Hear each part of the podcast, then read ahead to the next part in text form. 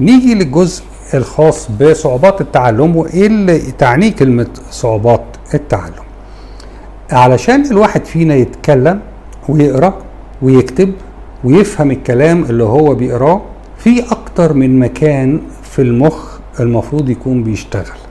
إحنا مش بصدد إن إحنا نتعرض ليهم النهارده لكن نكون عارفين إنه مثلا في أماكن في مخنا مسؤولة عن السمع في أماكن مسؤولة عن الإدراك في أماكن مسؤولة عن الكلام في أماكن مسؤولة عن القراية في أماكن مسؤولة عن إعطاء معنى للي بنقراه في أماكن مسؤولة عن متابعة السطور بعينينا.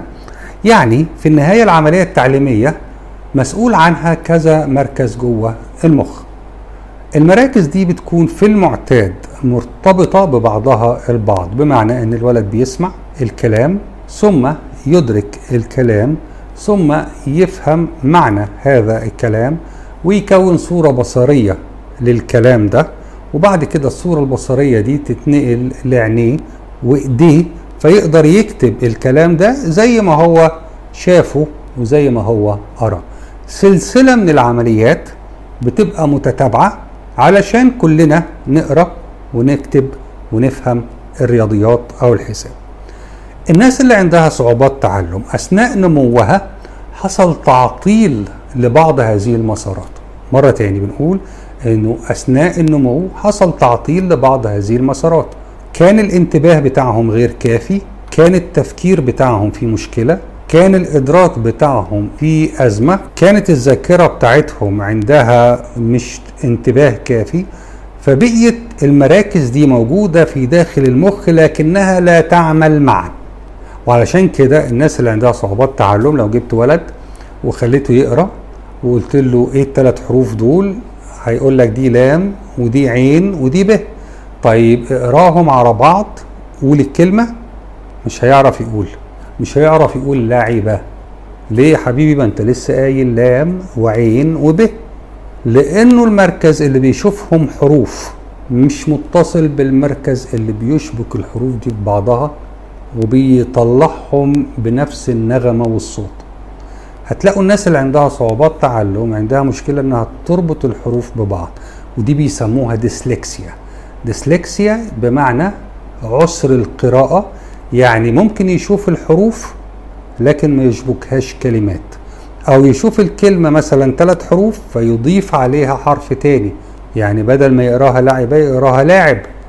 هو فعليا ما قراهاش لاعب هو الكلمة اللي جت في ذهنه لاعب فراح قايل لك لاعب. أو ممكن يحذف كلمة أو ممكن يخلف الكلام يقول لك بعل بدل لعبة. الناس اللي عندها ديسلكسيا بتعاني معاناة شديدة في فكرة إنه يقرأ زي ما القراءة العادية بتبقى موجودة.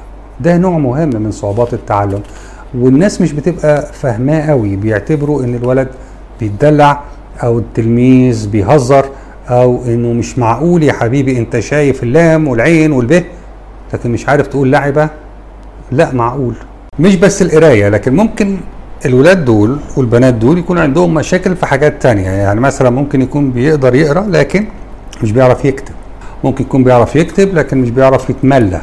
ممكن يكون بيعرف يتملى لكن مش بيفهم الكلام المكتوب والكلام اللي بيتملاه والكلام اللي بيقراه. بيعوز وقت تاني علشان يستوعب لأنه قضى وقت طويل علشان يستوعب الكلام ده ويعرف يكتبه أو يتملاه أو يقراه. الولاد دول بيعانوا من المشكلة دي بخصوص القراءة والكتابة والحروف لكن في منهم ناس تاني بتعاني من مشاكل في الأرقام.